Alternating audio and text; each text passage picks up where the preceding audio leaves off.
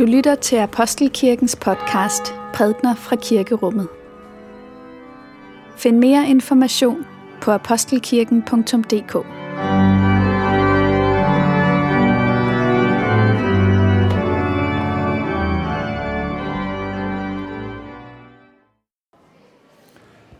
Godmorgen og velmødt til gudstjeneste her i Apostelkirken denne 18. søndag efter Trinitatis. I dag skal vi læse Jesu ord om vintræet og grenene. Du kærlige Gud, som søger vor kærlighed og taler til os som mennesker, du elsker. Vi takker dig for Kristus, for det liv, der strømmer os i møde fra ham, for at vi skal leve det og bære megen frugt. Det er i ham, vi henter kraft til at leve – det er i ham, at vores sorg vendes til glæde, og skilt fra ham kan vi slet intet gøre. Derfor beder vi dig, hjælp os til at blive i hans kærlighed, så hans liv gennem os strømmer ud i verden til alle, der tørster efter at smage det. Fra dig kommer det, og du er den, vi skal elske og tjene fra evighed og til evighed. Amen. Dette hellige evangelium skriver evangelisten Johannes. Lad os takke for Guds ord. For Guds ord i skriften, for Guds ord i blandt os, for Guds ord inden i os, takker vi dig Gud. Jesus sagde, Jeg er det sande vintræ, og min fader er vingårdsmanden. Hver gren på mig, som ikke bærer frugt, den fjerner han, og hver gren, som bærer frugt, den renser han, for at den skal være, bære mere frugt. I er allerede rene på grund af det ord, jeg har talt til jer. Bliv i mig, og jeg bliver i jer. Ligesom en gren ikke kan bære frugt af sig selv, men kun når den bliver på vintræet, sådan kan I det heller ikke, hvis I ikke bliver i mig.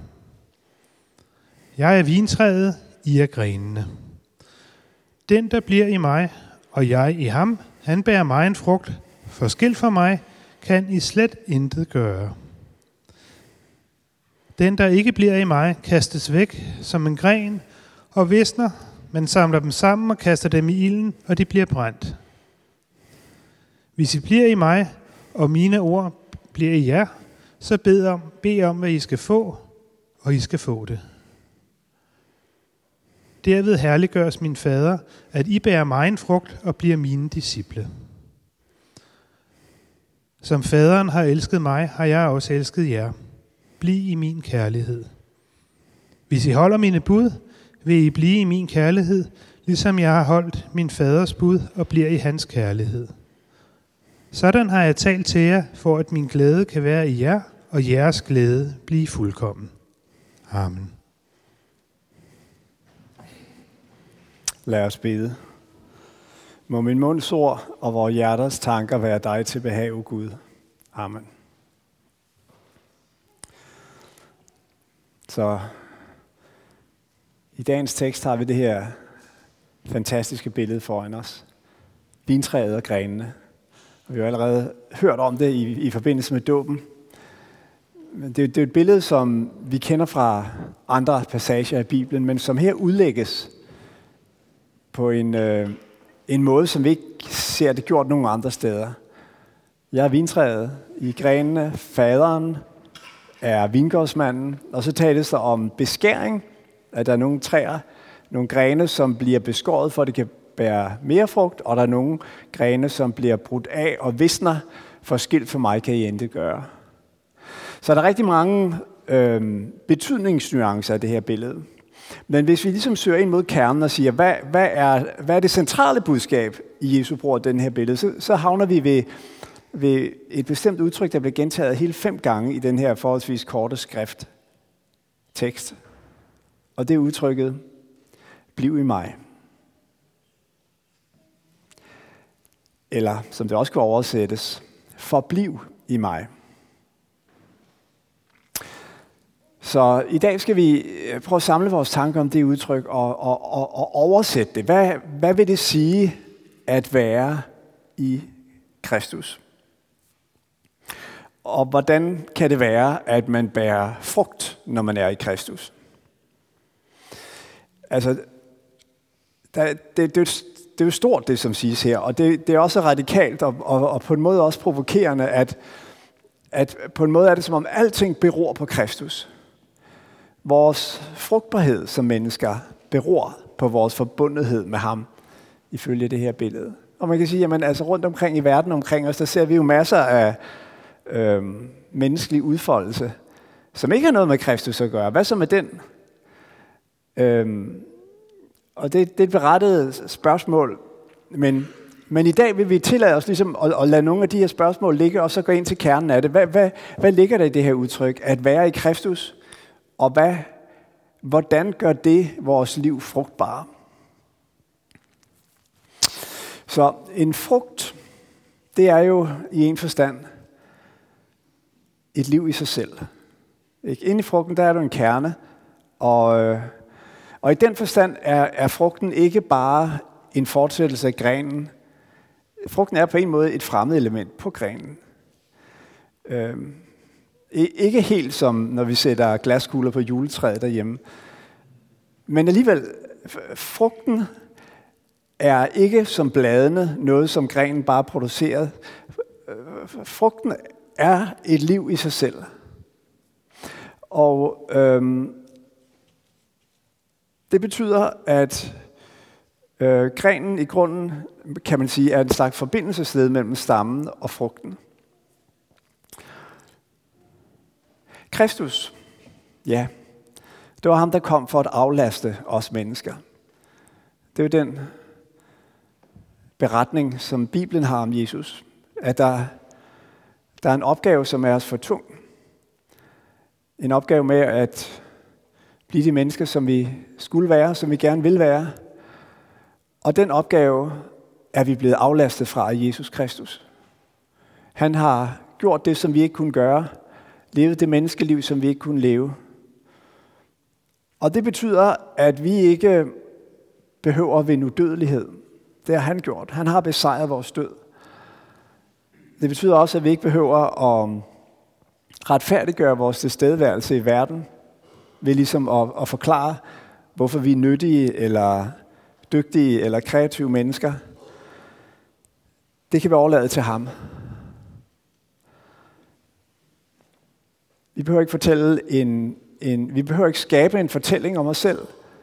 Der er en større fortælling, som vi får lov at indgå i om, om Guds kærlighed i Jesus Kristus. Og derfor er det her udtryk i Kristus en form for fortegn for vores liv som mennesker. Øhm, jeg bliver ikke reddet af det, jeg præsterer, men af ham, som har gjort det for mig. Jeg behøver ikke kun gøre regnskabet for mit eget liv op. Jeg kan lægge det over til ham, og så øh, frimodigt leve mit menneskeliv. Og det forekommer mig, at lige netop det her budskab, det er et utroligt vigtigt budskab for os i dag. For nogle tid siden havde vi herude i Kirkens Gård besøg af vores overborgmester, Sofie Hestrup Andersen. Vi øh, fortalte lidt om de forskellige aktiviteter i sovnet, og, og så mod samtalens slutning, så spørger vi hende så, men, men hvad tænker du om kirken? Altså, nu sidder du der som overborgmester, som den højeste myndighed i hovedstaden. Hvad er dit perspektiv på kirken? Hvad skal vi kunne i byen? Og så tøver hun lidt, og så sagde hun omtrent sådan her. I skal fortælle de unge mennesker, at de er elskede. Ikke fordi de lykkes eller præsterer, men det er det også, når det ikke lykkes for dem. Og når de ikke lever op til deres egne og andres forventninger. Det er kirkens store opgave i vores tid. Og det synes jeg var en, en, en, en interessant opdrag at få fra en, en politiker, der ligesom øh, kender vores by godt, og kender til de udfordringer, som unge mennesker står i. Det er jo vel også det, den nationale sundhedsprofil har vist, at det går den forkerte vej. Der er mange øh, unge mennesker, der føler, at det er, øh, det er belastende. Der, der er forventninger, som det er svært at leve op til, øh, osv. Og der har vi en, Et budskab, der hedder, sejren er vundet. Du skal ikke ud og vinde den. Den er vundet, øhm, og øh, vi er altid allerede elskede.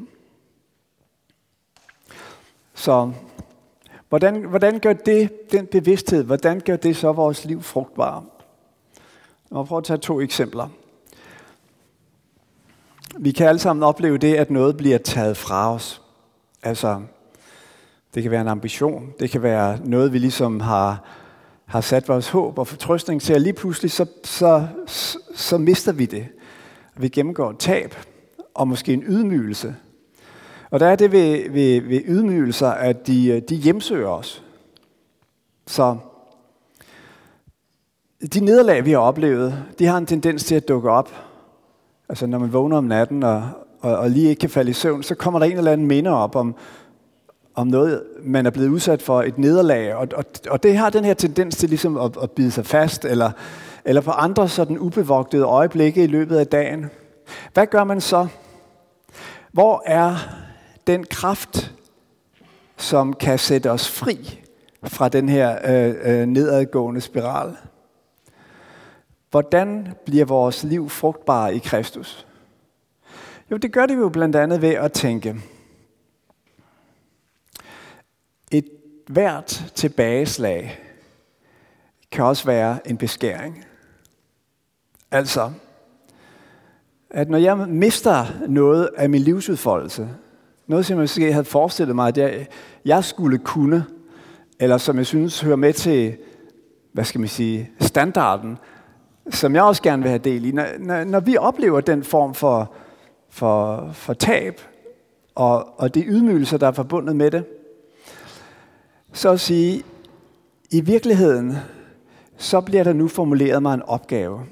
Og den opgave er, ikke at leve i fortrydelse, eller i selvbebrejdelse, eller i vrede over for andre, men at tage det som en beskæring, som en opgave til at acceptere det her, gå ind i det som min lod, og som noget, hvor i jeg kan bære frugt. Og hvis vi har det rum, hvor i vi kan få den tanke, bede den bøn, så sker der noget i os. Vi bliver lidt forvandlet, når vi går ud i dagen den følgende morgen og skal tage fat på vores opgaver. Vi bliver mennesker, der bliver lidt bedre til at sætte andre mennesker fri. Og til at acceptere øh, tingene, som de er, samtidig med, at vi tager del og tager fat på den del af, af, vores, af opgaverne, som er vores livsopgaver. Så sådan kan bevidstheden om at være i Kristus sætte os fri fra at blive fanget øh, i den her øh, selvbebrejdende øh, øh, øh, tilstand, når noget bliver taget fra os. Og tilsvarende, når noget bliver lagt på os. Altså noget, som vi har tungt ved at bære.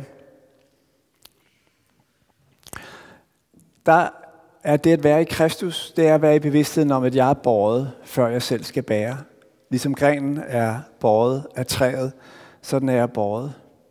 Hudson Taylor, den store missionær, engelske øh, lægemissionær, som startede China Inland Mission, fortæller, at han i, i sin virksomhed på et tidspunkt nåede øh, til et punkt, hvor han var meget belastet, og han var på randen af et sammenbrud. Og det var ikke fordi, at det ikke havde øh, både resultater, der var kommet fantastiske resultater af hans arbejde, men der var også kommet så meget splid og frafald, og, og jeg synes ikke, det var så rent og smukt, sådan, som han havde drømt om, det skulle være. Og det havde hjemsøgt ham med sådan en, en øh, mistrøstighed. Han havde svært ved at tro, at der kom noget godt ud af det her. Og så fik han et brev fra en kammerat, en øh, øh, kollega, der hed John McCarthy, som ganske enkelt citerede de her ord. Bliv i mig, remain in me, forbliv i mig. Og det kom fra øh, Hudson Taylor til at betyde en, en fuldstændig omorientering. Han blev klar over, at han havde ligesom i sin gerning været orienteret omkring frugterne, resultaterne af hans arbejde, hvordan han nu, nu blev han i stedet for orienteret ind mod stammen, mod vintræet, mod bevidstheden om, når jeg nu går ud og tager fat på de opgaver, der ligger og venter på mig, og den gerning, som er lagt til rette til mig, så gør det i bevidstheden om, at det ikke er mig, der skal øh, producere resultater. Jeg tager et skridt ad gangen i tillid til, at, øh, at jeg er sendt, og at øh, øh, øh, jeg er forbundet med vintræet, og dermed ikke overladt til mig selv. Så på den måde kan bevidstheden om at være i Kristus vise os vejen ind i et frugtbart liv. Et liv, hvor vi ikke bare er i konkurrence med hinanden, eller fanget af selvbebrejdelser, eller, eller vrede over andre, der gør os uret, men hvor vi finder ind i det rum, hvor vi bliver sat fri, og dermed også kan sætte andre fri, og tage fat på det, som er vores dags opgave. Lov og tak og evig ære være dig, vor Gud, Fader, Søn og Helligånd. Du som var og er og bliver en sand treenig Gud, højlovet fra første begyndelse, nu og i al evighed. Amen.